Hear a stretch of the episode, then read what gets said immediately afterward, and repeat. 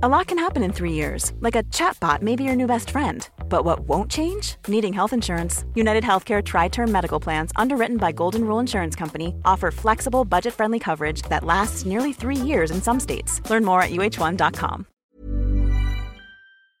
Jag brukar säga, för att man ska förändra sitt, mm, på något sätt bli intresserad och hitta motivation, så måste man ju, ett, måste man ju ha yttre förutsättningar. Alltså det måste finnas en möjlighet för mig att börja gå till jobbet eller kunna gör, stå på arbetet. Alltså man tänker de här små grejerna, eller börja träna. Jag måste ha ett par skor för att kunna mm. kanske gå ut och gå, eller jag måste ha ett gymkort för att kunna gå till gymmet. Så det är en bit att förändra sitt beteende. Det andra är det som är som du väl vet så mycket om, inre motivation, att känna att det här är någonting för mig. För det spelar ingen roll om jag har fina skor, gymkort, gångvägar till jobbet. Om inte jag tycker att det är kul, då kommer det inte hända helt enkelt. Så att de här två bitarna, när folk frågar vilken är den perfekta interventionen forskningen visar, vad är liksom, kan inte jag bara få den så går jag till min arbetsplats eller till mitt samhälle så förändrar jag världen. Så säger jag, men det är skittråkigt, men det finns inget liksom, koncept som funkar på alla. Men fixar du yttre förutsättningar och fixar att individerna känner en inre motivation, mm. så kommer det hända någonting.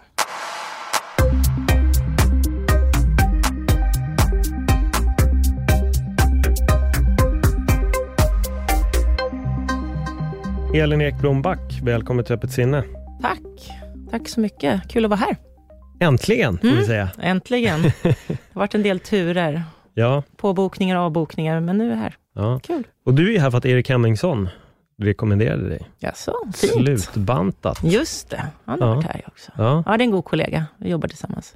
Ja, kul. Han var en riktigt härlig gäst. Jag hade jättekul med, med att ha med honom i podden. Jag tyckte det var ett väldigt bra samtal. Det var intressant att lyssna på hans eh, ja, men syn på det och mm. lite studier som har gjorts och det han har kollat upp och det han har sett. Ja, nej, han är fantastisk, så det förstår jag. Ja. Spännande, men du är, bara gå in lite på vem du är. Du är dels före detta fotbollsspelare mm. och idag, vad är det exakt som du gör idag? Idag är jag så kallad docent på Gymnastik och idrottshögskolan. Eh, mm. Man forskar och undervisar eh, och gör massa spännande roliga saker helt enkelt. Härligt. Vad är det mest spännande och roliga som du har gjort senast? Nej, men alltså det här med fysisk aktivitet, folkhälsa, lev, livsstil, det har ju varit lite, ja, man får säga, jag är rätt ung fortfarande, men när jag började för ett 20-tal år sedan ändå, eh, och första gången man, man var i de här sammanhangen och försökte göra sig hörd, så fick man ju sitta och skämmas lite i ett hörn när man pratar om att det är bra att röra på sig eller leva sunt, om man säger så. Eh, då var det mycket annat som tog plats och nu är det ju verkligen i tiden. Så att mycket av det man gör, det man försöker göra, får gehör. Och mm. det är jäkligt kul. Vad tror du är som gjorde att det inte fick gehör förut? Nej, man visste inte så mycket om det. Det var ju en, en, en, en twitch där, i alla fall vad gäller fysisk aktivitet och rörelse. Många rörde på sig rätt tillräckligt runt 80-talet, någonstans 90-talet, där man började, började förstå att aha, fysisk aktivitet, röra sig och träna, vardagsaktivitet, aha, det kanske är jäkligt viktigt för hur vi mår. Alltså, man visste ju det delvis, men inte att det var så potentiellt, i alla fall i det moderna samhället, mm. vilket vi ser idag. Så att då, då gav man inte så stor betydelse. Och länge har man ju slått mot alla typer av läkemedel, mediciner som ska lösa saker och ting. Och det har alltid varit, man har räckt upp handen och sagt, men fysisk aktivitet, jag vet att det är jäkligt potentiellt och det får biverkningar, eventuellt lite trötthet och, och, och träningsverk om du inte gör det på något riskabelt sätt. Och folk tycker att oh, mossigt. Liksom. Men nu, nu börjar man förstå att det, det kommer inte gå att lösa de problem vi har framför oss med att se till att folk medicinerar mer eller man opererar mer eller ja, det kommer bli en breakpoint där inte samhället kommer att palla med den sjukdomsbördan som jag tror vi ser framför oss helt enkelt, om vi inte förändrar hur vi lever. När vände det här? Jag skulle vilja säga att det var något, vände, jag kommer, kommer jag säga vilken punkt när det vände, men för mig personligen, så för typ jag höll på att skriva min avhandling för, oj nu går tiden, drygt tio år sedan, så kom det här begreppet kring stillasittande, stillasittande beteende som nu mm, basuneras ut lite, något som är annorlunda än att träna, att det skulle vara farligt att sitta stilla även om man tränar och sådär. Det begreppet började dyka upp då och för min del tog, tog debatten kring i alla fall det som jag tror är nyckeln till framtiden, vardagsaktivitet. Så att vi får till det i vardagen. Alla har inte tid att träna, alla tycker inte det är kul att träna, men att kunna få upp aktivitet i vardagen. Den debatten tog fart då. Från dess så tycker jag det bara accelererat mm. för min egen del. För jag märker sen, sen den tiden jag jobbade som personlig tränare, så är det väldigt, väldigt mycket som har förändrats också. Mm. Jag har sagt det förr i den här podden, att när jag väl var PT, så var det ovanligt att tjejer till exempel tränade tungt, medan mm. idag så är det normen mer än mm. inte. Mm. Vilket är jätteroligt att mm. se, att även liksom, det börjar hända. Jag tycker mm. att fler killar börjar närma sig yoga och rörelse och stretching. Det är många många små skiften i det här. Jag tycker att det börjar bli vanligare att vardagspersonen som kanske satt still förut ändå försöker aktivera sig. Men när jag scrollade igenom lite studier som du hade gjort, så var det någonting också om att vi har sämre kondition än vad vi någonsin har haft. Mm, ehm, det var ett fantastiskt samarbete med en, ett, eh, ett, ett företag som har utvecklat en modell för att ja, utveckla hälsa på arbetsplatser, som har samlat in data sedan 80-talet. Så i den samverkan så har vi fått tillgäng, tillgång till väldigt, väldigt stort datamaterial. Där, vi alltså testat, där de alltså har testat konditionen från gång mitten på 90-talet på jättemånga människor och då årligen mm. fram till nu. Och där kunde vi då se att konditionen hade minskat drygt 10 procent på gruppnivå, på stor befolkningsnivå, det är ganska mycket. Eh, sen mitten på 90-talet till mitten på 2000-talet, 2000, eller 2010-talet, alltså 2017 tror jag sista mätningarna var. Så det är enorma skillnader om man tittar på populationsnivå skulle jag säga, som det är arbetsför befolkning som vi tittade på. Vet man typ vad det beror på? Alltså ska man titta på andra studier där man har, för man tänker så, okej, okay, kondition eller maximal syreupptagningsförmåga, det har ju att göra med antingen hur mycket man tränar, eller vilka föräldrar man har valt, det vill säga sina gener. Kort sagt kan man väl säga att det är de två uppbyggande faktorerna. Eh, så det, om det inte är så att vår genetik har förändrats, om det inte är så att vi helt plötsligt har jättemycket sämre gener för att kunna förbättra, eller vilken konditionsnivå vi har, så har det någonting att göra med hur mycket vi har rört på oss. Och då finns det två delar. Antingen hur mycket vi har tränat. Vi behöver få upp pulsen lite för att förbättra vår kondition. Antingen hur mycket vi rent strukturellt planerat har tränat, eller att vi har rört oss mindre i vardagen, där vi faktiskt väldigt många gånger får upp pulsen. Och då har vi inte speciellt många studier som har mätt det här med träning folk har rapporterat, ja men jag tränar så här mycket, jag tränar fem dagar i veckan, jag tar i så här mycket. Vare sig folk vill eller inte, så säger man ofta inte sanningen. Man kommer inte ihåg, eller så säger man inte sanningen. Ofta säger man lite bättre. Jo, men visst, det är fem dagar i veckan. Jo, men amen. Jag hade en studie här nyligen, som, eh, för några år sedan, som visade just det här att 60-70 procent av de vi mätte sa, ja, men jag tränar hej och hå, som man ska. Och så hade vi en liten aktivitetsmätare på 7 procent var det som egentligen gjorde det. Så diskrepansen mellan vad man säger och vad man gör är enorm. Ja. Så jag vill komma till det att de studier där vi faktiskt vet om folk, hur mycket folk har rört sig, där man säger mm. hur mycket man tränar, då säger man att man tränar lika mycket som på 90-talet nu för tiden, eller till och med lite mer. Men då borde det inte ha hänt någonting, tänker man ju. Eller så har det. Men om vi tror på de här människorna då, så skulle jag gissa att då är det den vardagliga aktiviteten som har minskat helt enkelt. Och där finns det indikationer. Vi är, fler äger bilar, vi är, nästan alla har en telefon, smartphone, en TV, man har arbets, stillasittande jobb etc. Saker och ting som gör att vi sitter mer idag, rör oss mindre i vardagen. Så min gissning är att en stor del är att den här vardagliga aktiviteten, den som vi förut pysslade med flera timmar om dagen och som många gånger gjorde att vi faktiskt fick upp pulsen i den nivån som behövs för att påverka eller bibehålla konditionen. Den har minskat. Jag tror att det är den stora boven. Mm. Och men att vi inte har eh, riktigt fina sådana här mätningar med objektiva, mätning, eh, objektiva mätmetoder som man kallar för axelometrar eller något annat. Det har vi inte riktigt på det perspektivet från 90-talet nu. Det finns nästan ingen sån studie, men rent man, om man tänker på det hela så, så skulle jag tro att det är den största boven. Jag blir lite full i skratt när du säger det där, för jag, alltså, när jag jobbade, nu jobbade som PT, när jag började, det var cirka 15 år sedan, mm. Eh, och då brukade jag oftast be mina klienter också. Att, ja, skriv ett kostschema bara, så att jag får så översikt över hur du äter. Mm. Uh, och när det väl hade gått en vecka, så var standard från verkligen majoriteten att, så här, nej men den här veckan är inte riktigt så som den brukar vara, mm. så du får den nästa vecka. Mm. Och det blev oftast uppskjutet och till slut sa jag det, jag skiter i hur din vecka ser ut, mm. ge mig ett matschema nu ja, bara. Precis, det får bli det det blir. Uh, och det är verkligen det där folk Många har en bild av att allting är otroligt mycket bättre än vad det egentligen är. Mm. Typ jag rör mig mycket mer eller mm. jag äter egentligen inte så mycket socker, men du åt ju en bulle idag. Mm. mm ja, men det var ju bara idag, mm. fast du åt ju en igår också. Ja, men det är en, en mm. dålig vecka, bara standard är inte så här. Eh, men vad, vad, det, vad, vad, tror du att det är som gör att folk går runt med den här känslan och vi har den här fantastiska självbilden av oss själva? Ja, det är väl lite tanken av att man vill också vara på ett visst sätt. Man försöker skapa en illusion. men många gånger av att vi felrapporterar eller överskattar saker i tånga eller ger ett bättre sken, det är för att det finns någon form av så social desirability, att mm. vara på ett visst sätt helt enkelt. Så därför säger man, nej men jag röker inte fast man kanske röker. Eller jag som sagt tränar väldigt mycket fast jag kanske inte gör det. Så hela tiden försöker man hitta den här bästa bilden av det hela. Och det är väl kanske det som, som framgår här. Och jag menar, sitter man och fyller i en enkät, man är med i en studie om träningsvanor eller någonting, eller en PT ska mm. på något sätt utvärdera och hjälpa en, då vill man ju gärna ändå visa en bra bild. Det är få som faktiskt säger, som har den självinsikten och självförtroende som bara, men jag är så jäkla taskig just nu i det här taskig form, så att här får du liksom. Så att mm. gärna, det, det är den. Det är ungefär som när man ber folk säga hur lång man är, hur mycket man väger, så är man några centimeter längre och man väger några kilo mindre. Så att det, det mm. återkommer flera olika parametrar som man jobbar med. Mm. det är rätt roligt. Mm. Ja, det, det är det verkligen. Men vad, hur, hur jobbas det på något sätt för att förändra det här? Jag tänkte nu när man ser alla de här studierna, mm. alltså är det någonting som man jobbar på att förändra eller inte? Förändra hur man mäter saker eller hur tänker du? Nej, jag tänker förbättra oss själva. Alltså i skola till exempel, för det är väl lite prat om att man vill väl i princip skära ner på idrott, eller mm. har skurit ner redan ganska mycket på den. Ja, och där, ja, det är en, en het debatt, eh, mm. skulle vi säga. För att var någonstans i samhället, vart ska vi ta taget? Jag, menar det, jag tror att vi måste samverka från alla delar i, i, och framförallt skapa en länk mellan olika delar. Det var ju, mm, för några veckor sedan så kom det en rapport om att svenska ungdomar är de som rör sig väldigt lite, väldigt få uppnår rekommendationen och jämför med massa europeiska länder. Det var lite hallå om det på Sportnytt och sådär. Eh, och, och, då såg man att Finland var ett gott exempel. Varför har finska ungdomar rör sig mer än vad svenska vad, vad gör man i, i Finland då till exempel? Eh, och då finns det till exempel exempel om, och det finns kanske i Sverige på, på, i mindre skala, men visst finns vissa exempel där man via skolan ser att ett barn kanske behöver röra sig mer, har gått upp lite i vikt. Då har man en en, en kontroll via, inte skolsköterskan, utan en sköterska som kopplar upp kopplar upp det via vården och får en bakloop och ser till att skolan engagerar barnet i mer aktivitet, i bättre kostvanor. Alltså man hjälper i både sjukvård, skola, samhälle, att man hjälps åt och samverkar, att det bara är skolan, det är bara i samhället, det är bara sjukvården. Det tror jag är en lösning.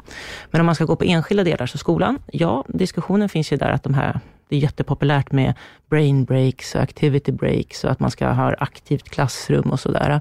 Eh, och det är ett jättebra exempel för att eh, eh det är en plattform där egentligen alla från alla olika möjliga samhällsklasser möts. Du och Erik måste ha haft den dialogen kring socioekonomisk mm. gradient och de klyftorna som finns. Det är en av hans hjärteämnen om man säger så.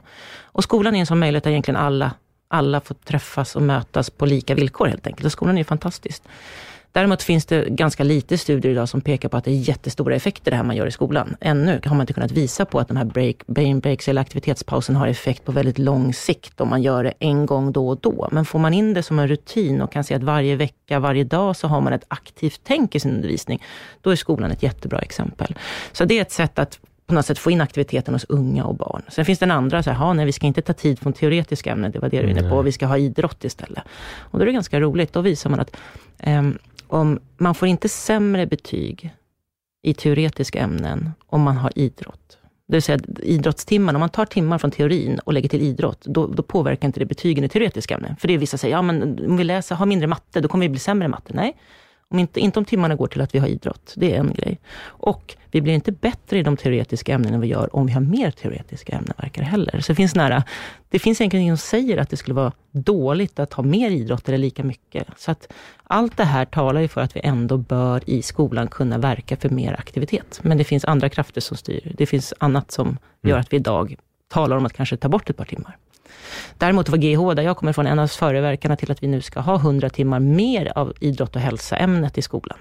Men debatten pågår. Hur ska vi lägga det? Vem ska vara ansvarig? Hur ska det se ut? Ska det vara teoretisk idrott och hälsa? Det finns ju en vikt av att lära barn och unga hur man ska äta och röra på sig. Eller ska det vara fysiskt? Ja. Då kommer man inte riktigt till skott ännu. Så att det är segt. Det är så jäkla segt överallt där. Eh, mm. få saker och ting förändras. Jag tycker bara att det finns så rapport på rapport på rapport på rapport om att vi måste göra någonting. Snart måste man ju reagera helt enkelt. Ja, och det finns ju någonting mer som Finland gör väldigt bra också. Det är att de inte har läxor eller prov heller. Så och så har mm. de mhm. ju ändå de bättre betygen tror jag också. Mm. Eh, så de har ju liksom på något sätt löst pusslet på många plan. Mm. Jag gick ut med sjukt dåliga betyg, som Mm. jag nämnde till dig innan, och jag Mm. har ganska mycket kritik gentemot hur skolan styrdes. Nu är jag ju född 78, så jag gick Mm. i skolan för många, många år sedan. Det har säkert förändrats till det bättre, hoppas jag. Men, men jag kan väl känna att ibland, när du säger det här med att fler teoretiska timmar, jag vet inte heller om det skulle lära mer per vecka, för att till slut så finns det så mycket information som huvudet kan ta in, speciellt när man är liten. Jag skulle nog hellre tippa på att fan, färre skoltimmar, Mm. så blir det mer effektivitet också i det. Och eh, ja, Det är kvalitet jag Ja, måste men- fundera på. verkligen. Mm. Verkligen. Men vad var, alltså, ja som sagt, det är många, många som har åsikter och sen sitter de väl bara och snurrar i ett hörn och så tar det 40 år innan det händer något. Ja, det är ju mandatperioder. Mm. Man vill se en förändring kanske inom sin mandatperiod. Det är, det är block, eller om det nu finns några block i partipolit, eh, partipolitiken nu, men det är ju, nej, de har de infört det. Nej. Jag tror att det här, det här är en debatt vad det gäller folkhälsa, som måste gå över alla mandatgränser, alla blockgränser, allting. Det kan inte hålla på att hattas med. Vi måste ta ett beslut för Sveriges goda, vad det gäller skola, samhälle, äldre, vuxna, alltså alla. Vi måste fundera på alla och det måste vi göra tillsammans. Mm. Eh, Det går inte att hatta med små områden hit och dit. Och nej, inte nu, nej men den budgeten tå- tål inte det, etc. Det är, vi, ja, nej. Snart måste vi gå på och sparka dem i arslet där uppe Mm. för att det ska hända någonting helt enkelt. Vi har ju den dialogen. Folk kommer ju fram och säger, men vad gör ni idag? Här står ni och pratar om att det är så viktigt. Vad gör ni egentligen? Jo, vi har, försöker på alla möjliga medel att påverka, men eh, det är, trä, det är trögt. Mm. Det är jävligt trögt.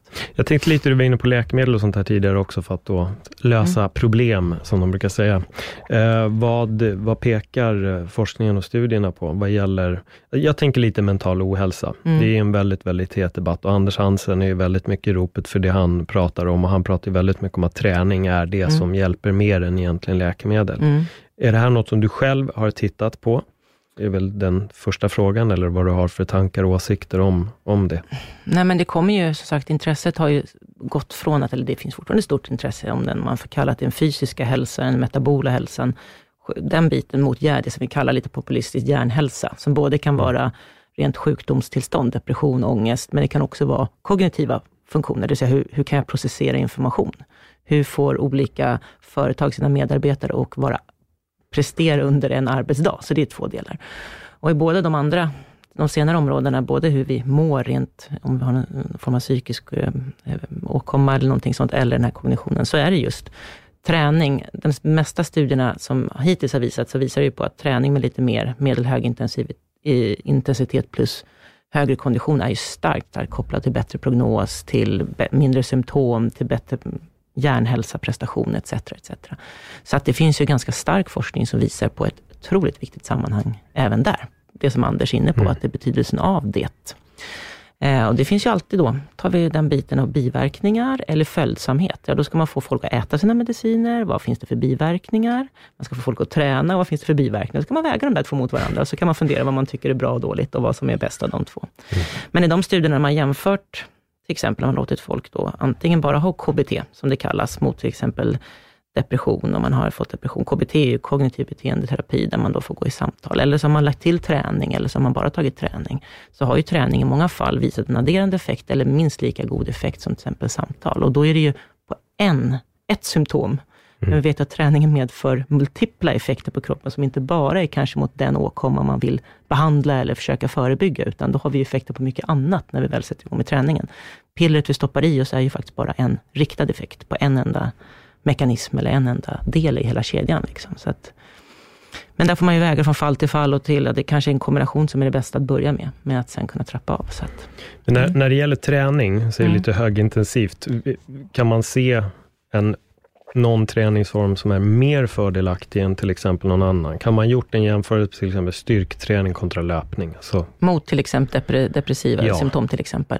Ehm, jag är inte helt insatt på om det skulle vara skillnad mellan de två bitarna. Jag vet att aerob eh, träning, alltså där vi får upp pulsen, styrketräning är ju inte eh, ofta Eh, oftast i den formen man gör är väldigt pulshöjande, utan det är en annan typ av träning. Så att ofta är det den pulshöjande träningen, aeroba träningen, som man har visat har god effekt. Men däremot har man ju senare intresserat sig för kanske mer lågintensiva former. Så det finns en jättefin studie från från Karolinska, eh, en av de största, såna här, det kallas för randomiserad kontrollerad studie, som är en av de finaste studietyperna, man alltså har en grupp som får behandling som vanligt och så hade man tre grupper som fick träna. Lågintensivt, medelintensivt och högintensivt. Och då var det faktiskt de lågintensiva som hade bäst effekt på depressiva symptom. Då mm. ingick till exempel yoga och liknande. Och då kan man fundera på, är det den är det den fysiologiska belastningen eller liksom stimulit från träningen eller den lågintensiva eller det kan vara andra meditativa delar. Det kan ju vara samvaron i yogan, att man sitter ner och har kontemplation, alltså etc. Det finns ju andra saker i yogan och det man gör där, än att man körde stenhårt och inte kanske hade samma sociala samvaro. Mm. Så,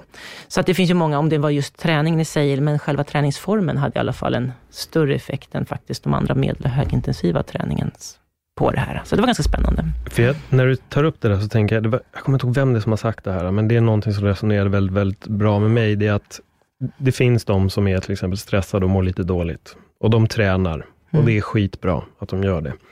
Men till slut finns det en instans när det blir för mycket av träningen, mm. så att på den inre stressen de redan har, byggs mm. det egentligen bara på mer stress.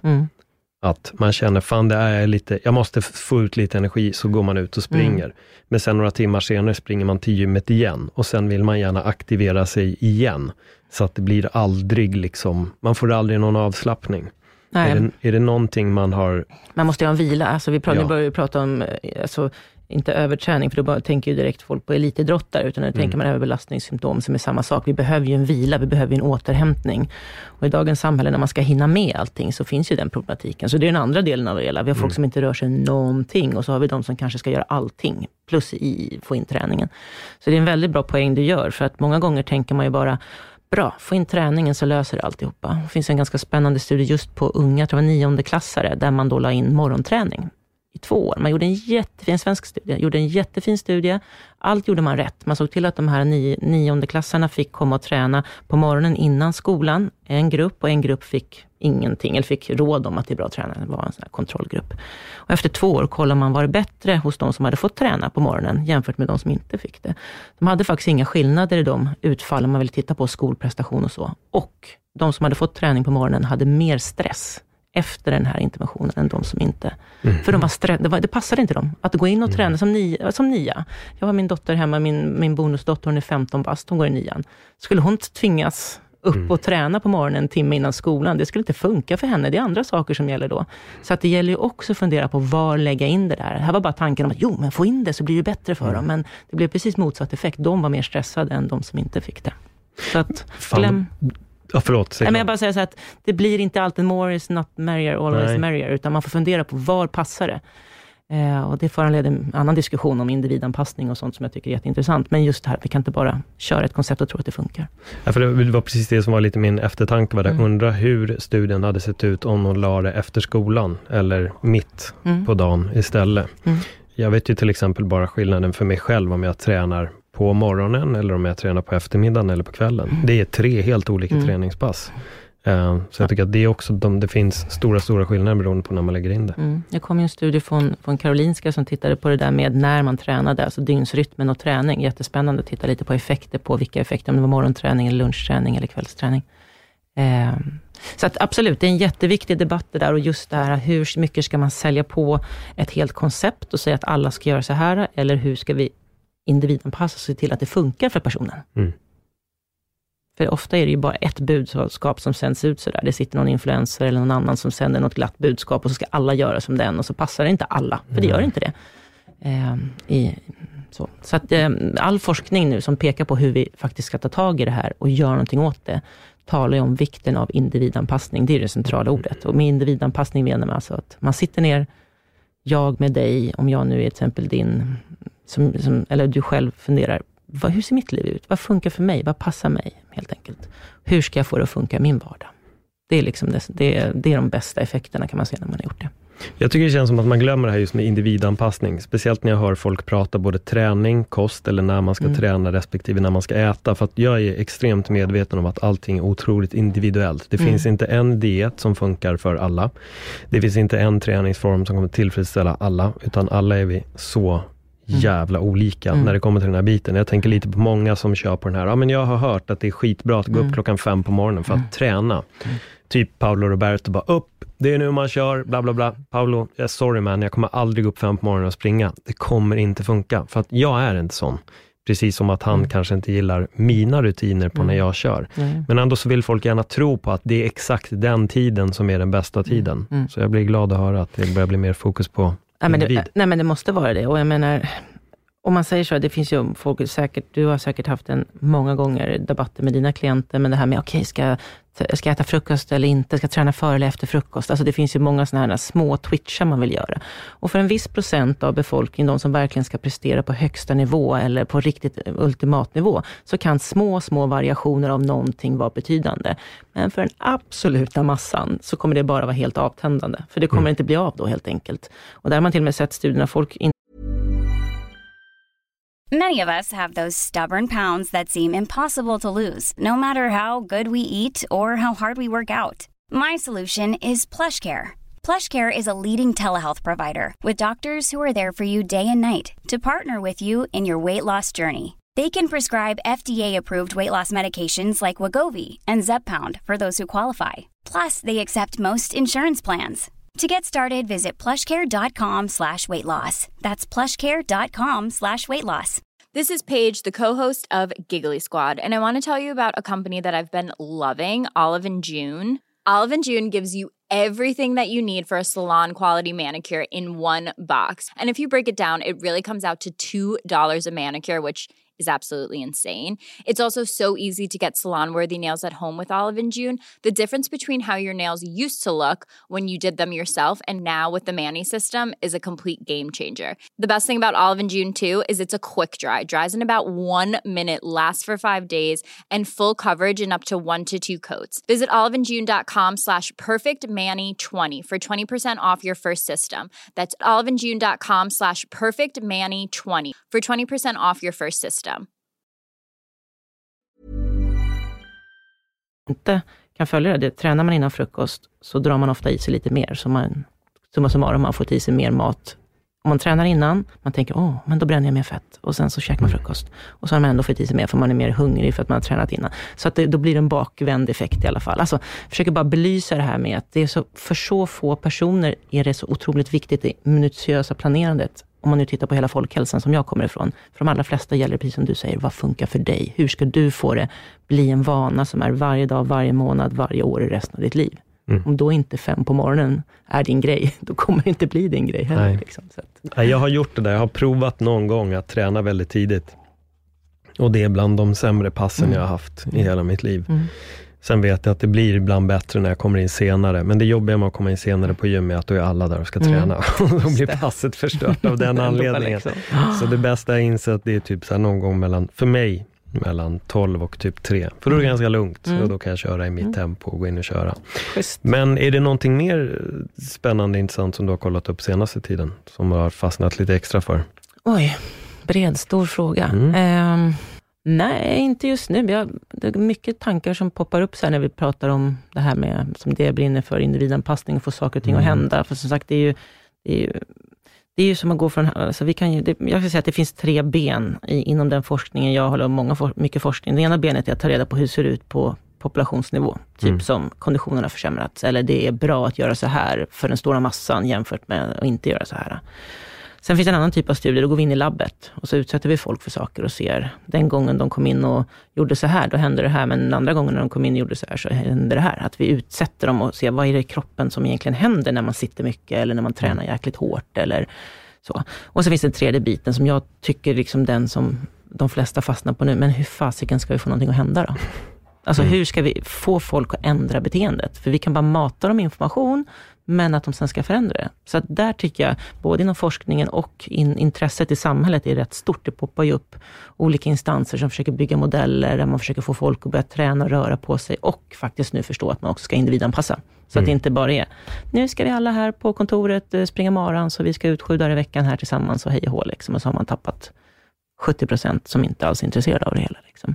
Så det tycker jag, jag går igång lite på individ, kan ju diskutera hur mycket som helst, men just den individanpassade delen är rätt häftig. Jag är ju gammal fotbollsspelare, det är bara ett exempel på en studie som jag tycker är fantastiskt i det här.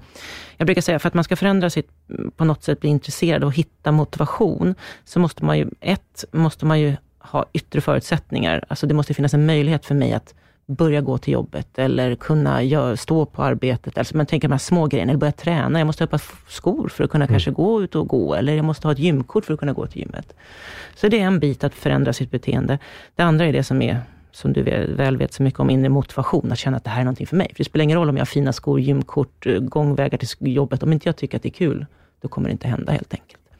Så att de här två bitarna, när folk frågar vilken är den perfekta interventionen forskningen visar, vad är det liksom, kan inte jag bara få den så går jag till min arbetsplats eller till mitt samhälle så förändrar jag världen. Så säger jag, men det är skittråkigt, men det finns inget liksom, koncept som funkar på alla. Men fixar du yttre förutsättningar och fixar att individerna känner en inre motivation, mm. så kommer det hända någonting.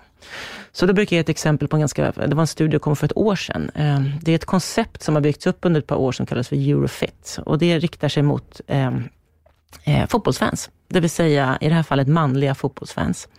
Som, eh, jag älskar ju fotboll då. Jag åker titt som tätt till London och kollar på mitt favoritlag Tottenham, som för övrigt vann en fantastisk seger igår. Väldigt imponerande. Helt utspelade. Skitsamma, ett sidospår. Eh, och då går man ofta in på puben, tar en öl eller två och tycker att det är kul liksom, att snacka upp matchen. Eh, och då sitter de här fotbollsfansen där, som var med i den här studien. Runda om magen, i det här fallet manliga då, runda om magen, dricker för mycket pints, käkar paj, du vet. Så här, och, eh, och hela det här konceptet är på att få dem att må bättre. Röra sig mer, eh, äta bättre och att det ska bibehållas under längre period. Och då tänker man, när jag såg på det här, jag hörde om det här, tänkte jag, lycka till, hur fasiken ska man få de här personerna att börja träna, äta bättre, få bättre blodfetter, blodsocker etc. Lycka till, tänkte jag. Men då kom det här konceptet Eurofit då, där man då, vad gör man då? Jo, man fixar yttre förutsättningar och man fixar inre motivation hos de här gubbarna genom att engagera deras fotbollsklubb. Så en gång i veckan får de här gubbarna bli inbjudna ner till stadion, arenan där deras idoler spelar på söndagen och där får de träna och där får de beteendeförändring och där får de träffas och i grupp genomföra det här. Så att snacka om inre motivation, att mm. klubben är deras hjärta, tar dit dem och säger att vi vill att du ska må bättre, vi vill att du ska röra på dig. Hej, kom till våran anläggning och träna med oss. Liksom. Så byggde de upp det här konceptet. Så det var stora fotbollsklubbar i både England, och Holland och Norge eh, som var med på det där. Och det blev stora förändringar som bibehöll. Som, eh, studien pågick och följde upp efter 12 månader. Det här pågick i tre månader, men efter 12 månader så rörde de sig fortfarande mer, åt bättre, hade bättre hälsa. Så jag menar, där är ett exempel på en jättesvår grupp att nå, mm. de här fotbolls... Nu var det, kan man ju tänka, raljera över grupp, att fotbollsfans skulle vara jättedåliga, men i det här fallet så var de överviktiga, inaktiva etc. Det går inte att säga till dem att ni ska ut och kuta nu varje dag här, för det måste ni göra, annars så blir det inget bra, utan vi måste hitta det här. Liksom. Så de yttre förutsättningarna, det vill säga lokalerna och faciliteterna i klubben och inre motivationen, att någon vill att jag ska må bättre och det är de som jag brinner för mest, min klubb. Mm.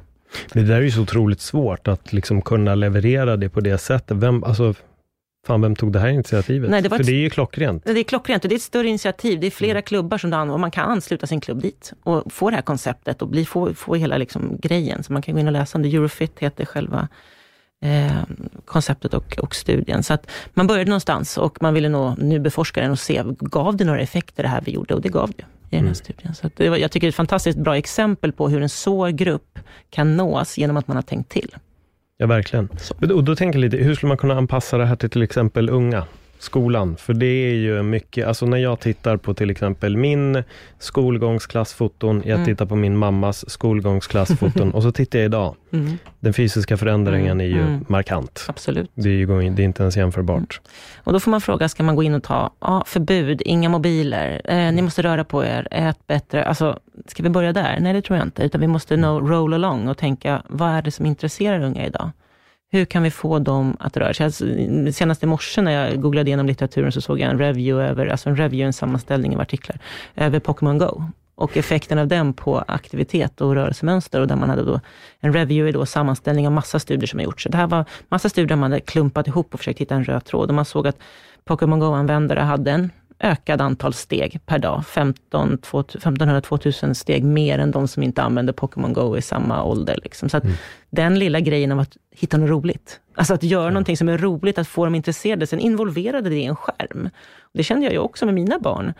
Jag får ju rabies när de sitter och glor på skärm, men om de sa, men jag går ut och kör Pokémon Go och stirrade lika mycket på den här skärmen, men de rörde på sig, då var det helt okej okay helt plötsligt. Så är det verkligen den här skärmen man får panik över, eller är det att de sitter still? Ja, så hur kan vi få barn och unga att tycka att det är kul att röra på sig? Då måste vi nog gå in i deras skor, i deras hjärnor och i deras inre motivation för att få dem att göra det.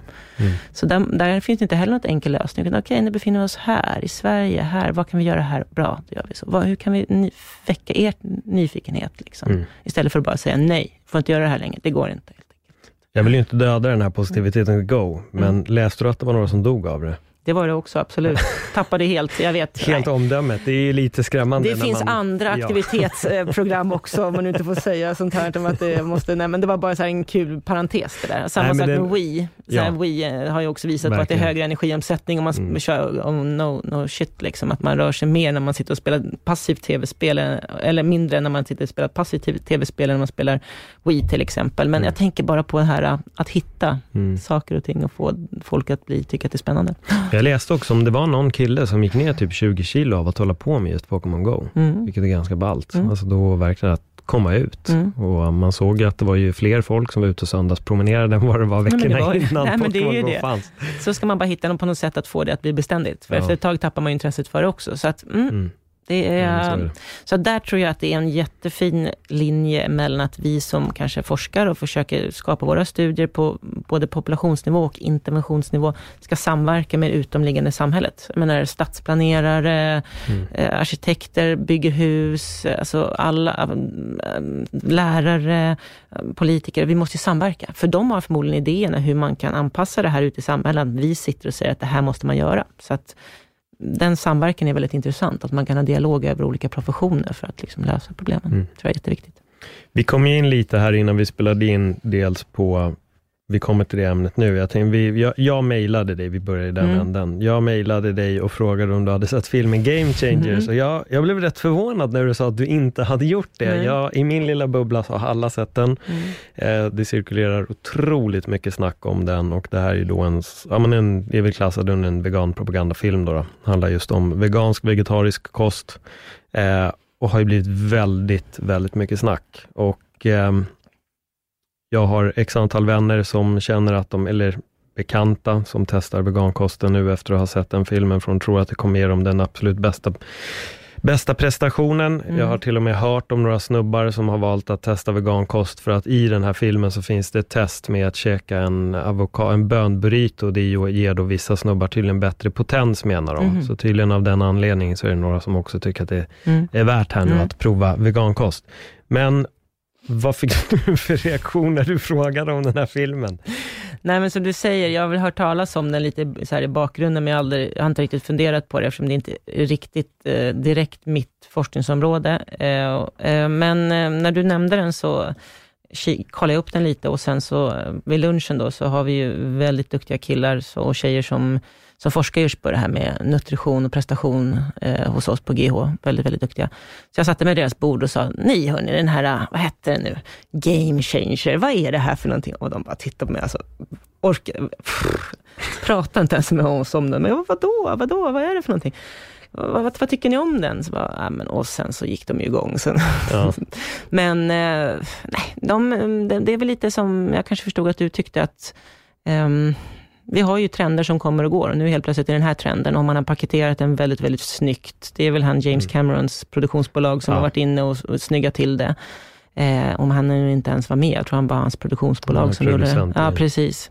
Eh, men eh, det är ju väldigt mycket, vad jag har förstått, eh, cherry picking. Man väljer väldigt mycket precis bara de studierna som eventuellt talar för det exakt man gör. Man är väldigt definitiv i det man säger att det är precis så här.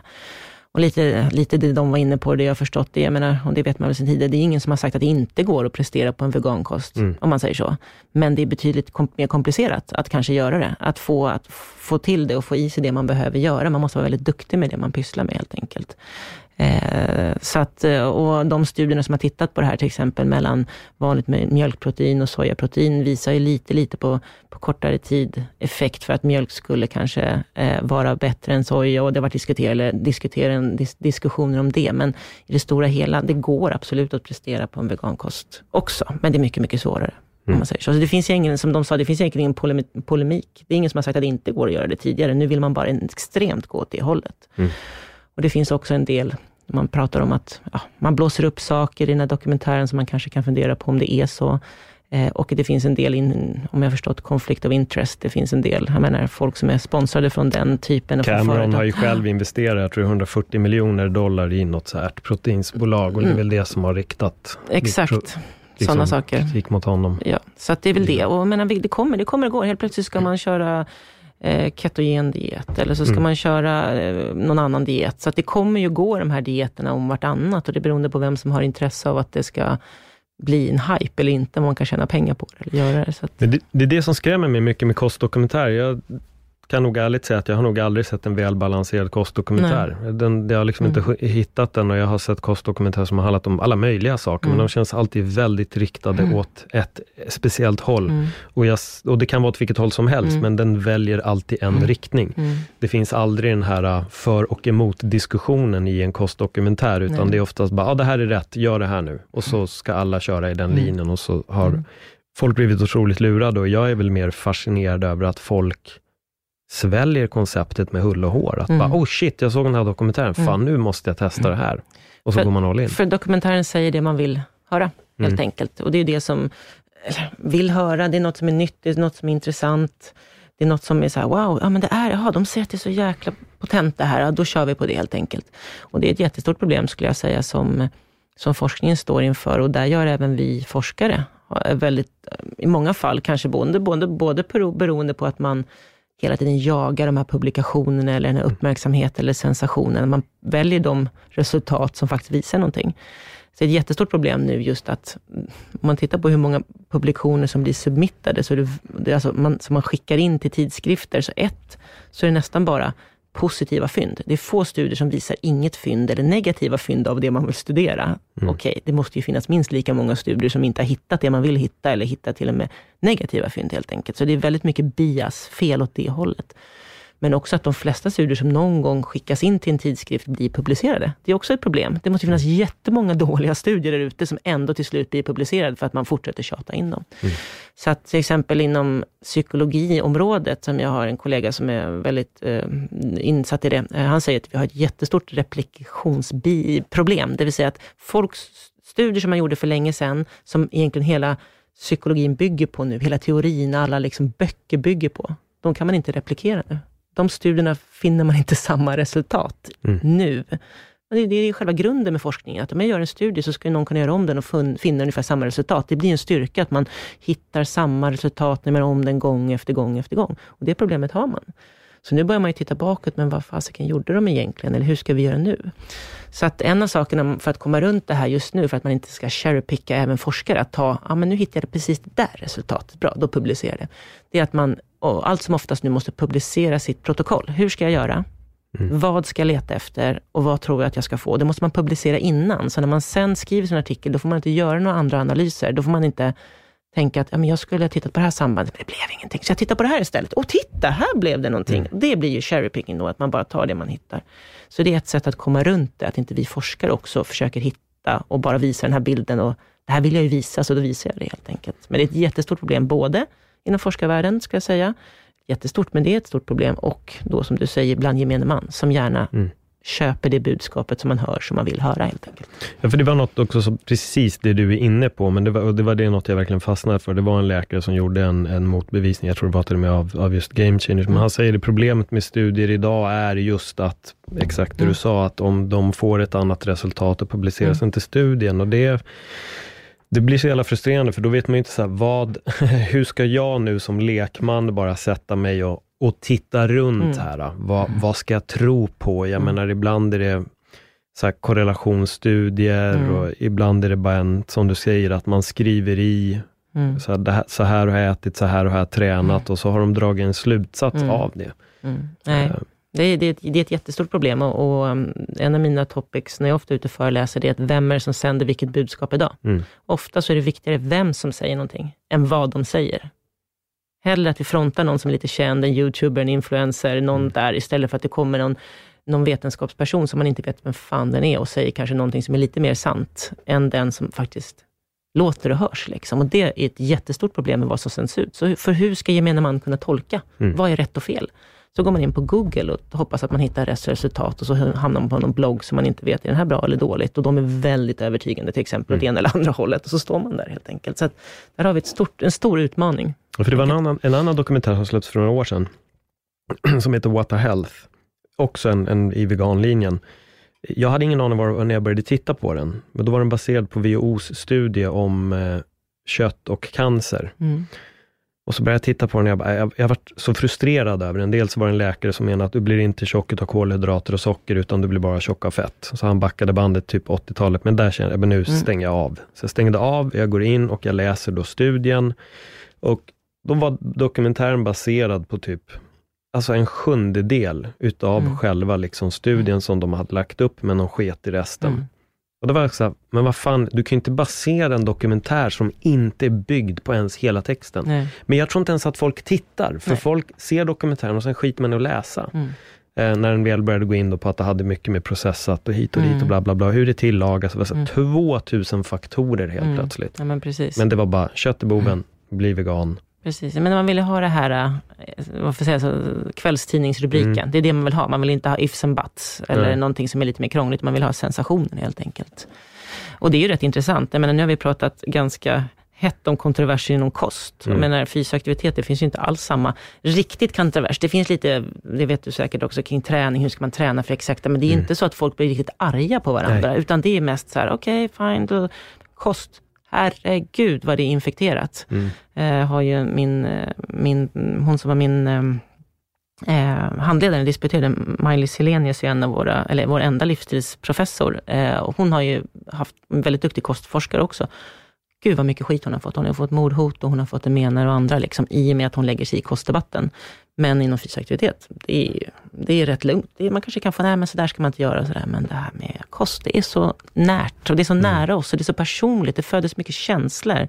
Så där jäkla går vi igång alltså. Det är helt galet. Får man fråga vad det är hon har sagt, som hon har fått så mycket mothugg om? Nej, men hon tittar ju på det som forskningen visar, till exempel nordiska näringsrekommendationer och liknande. Vi pratar om att eh, fleromättat, eller att eh, fleromättade enkelmättade fetter är bättre än än att äta eh, mättade fetter. Till exempel LCHF-debatten om att mm. vi ska inte käka så mycket mättat fett till exempel. Då kommer de som tycker att det inte alls ska vara så, tycker tvärtom och det är så här. Som så.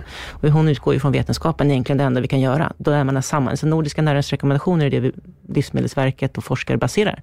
Det är hundra kostforskare från, från Norden som har gått samman och granskat all litteratur och liksom satt ihop det. Det är ju det egentligen vi kan uttala oss om. Sen mm. kan folk ha testat en diet hit eller en diet dit, eller kostdoktorn har testat det på sina diabetespatienter. Det var bättre att de inte åt så mycket kolhydrater no shit. Liksom, och sådär. Men, ja, så att, men, och då hörs de och då blir det en jävla debatt. Liksom. Så att, mm. jag menar, det är jätte, jättekänsligt. Och jag har ju samverkat en del med eh, några stora olika fonder, till exempel Hjärt-Lungfonden, Cancerfonden, som nu försöker gå in i det preventiva arbetet. Och båda de är ju lite oroade för att börja diskutera kost. Mm. Men fysisk aktivitet, det, det, pratar de gärna om, för det är rätt safe. Liksom. Och det kan jag förstå, att man inte vågar ge sig in riktigt i den debatten, för det är så het. Den är så, det är så upp och ner, fram och tillbaka.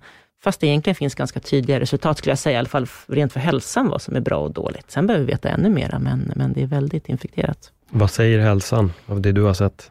Vadå, vad säger hälsan? Ja, men lite det du var inne på. Vad, vad är bra för hälsan med, med kost av det lilla, eller av det som du har sett? Nej, men det är de klassiska tråkiga rekommendationerna som ingen, ingen orkar lyssna på. men det är ju att äta, jag menar det är ganska äta, relativt medelhavslikt. Mm. Mycket mm. fleromättat fett, alltså från eh, växtriket. Mm. Eh, undvika mycket animaliskt eh, fett, men det måste ju finnas med också. Mm. Den klassiska kostpyramiden eller den klassiska tallriksmodellen är fortfarande det som håller. Mm. Baserade på eh, råg, eller så fler, vad heter, eh, fullkornsprodukter, dricka vatten istället för socker, att undvika, alltså, det är det, det klassiska, det vi lärde oss själva när vi gick i skolan, det gäller ju fortfarande helt enkelt. Man vill ju krångla till det helt enkelt. För det som oroar mig med, med kost, det är att det blir väldigt mycket vi mot dem. Mm, det blir det. Hela tiden. Mm. Att det är, man har valt ett läger och ja. då är det det här som är rätt. Ja. Och väldigt många känner sig som experter trots att de inte har någon koll. Och det mm. blir något, på något sätt ironin, för jag såg när James Wilkes fick åka till en podd och liksom debattera mm. mot killen som hade motbevisat hans dokumentär. Mm. Och då säger då James Wilk att, ser du dig själv som en expert inom nutrition? Och han säger nej, fast mm. han, har en, han har utbildning inom något Och då säger James Wilk, aha, okej, okay. men James, Wilk är, James Wilkes är själv bara en typ combat trainer som han säger. Då är det så här, fast genom att motbevisa honom så ger du, ger du alla andra svaret om att du har ingen rätt att göra den här dokumentären alls då. Mm. Så han sätter sig själv så på pottan. Mm. Men sen är det hela tiden där, det är det här, det är det här, det här är bästa, det är skitfarligt, mm. det här är absolut bästa och så är det bara okej. Okay. Och, och, och, i den processen så glömmer alla bort individen. Mm. Och jag säger alltid till mina barn, lagom. Det svenska ordet lagom är det bästa som finns, brukar jag säga till min dotter. Jag försöker sedan unga år liksom säga att jag kommer inte förbjuda någonting, jag kommer inte tvinga er till någonting. Jag kommer se till att ni tycker att det är kul att röra på er. Mm. Jag kommer servera er mat, som ibland är lite onyttig, men för ofta är nyttig. Och det är en lagom variation. Ibland äter vi lite chips, ibland äter vi lite godis. Ofta äter vi bra mat, grönsaker och lite så, här, så och så rör vi oss lagom. Och så sitter vi och tittar på TV ibland och så. Alltså den här, det behöver inte vara mer komplicerat än så för att få en rätt god hälsa. Stressa lagom, sov lagom. Eh, mm. Så men ha jävligt kul. Alltså, det, det, ordet lagom, svenska lagom, är faktiskt rätt bra för de allra flesta, om man mm. säger så. Jag hade tänkt precis fråga att ge något så här skönt tips för att avrunda podden, men det mm. känns som att du gjorde det där. Mm. Nej, men det är det. Nej, det, är, det är inte svårare än så helt enkelt. Nej. Mm. Ta lagom anpassningen så ska, ska allting gå bra. Elin Ekblom Back, tack för ett jättebra samtal. Tack. Tack så mycket. Och om ni har uppskattat avsnittet, ja, dela det jättegärna på era sociala medier och gå gärna in och lägg en prenumeration på, på podden. Och eh, gärna en recension också, så jag kanske fladdrar upp lite på topplistorna. Tack för den här gången. Hej då!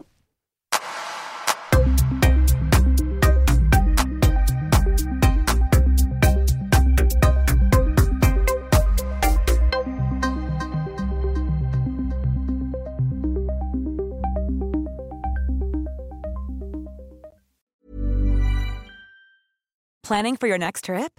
Elevate your travel style with Quince. Quince has all the jet setting essentials you'll want for your next getaway, like European linen, premium luggage options, buttery soft Italian leather bags, and so much more. And is all priced at 50 to 80% less than similar brands. Plus, Quince only works with factories that use safe and ethical manufacturing practices. Pack your bags with high-quality essentials you'll be wearing for vacations to come with Quince. Go to quince.com/pack for free shipping and 365-day returns.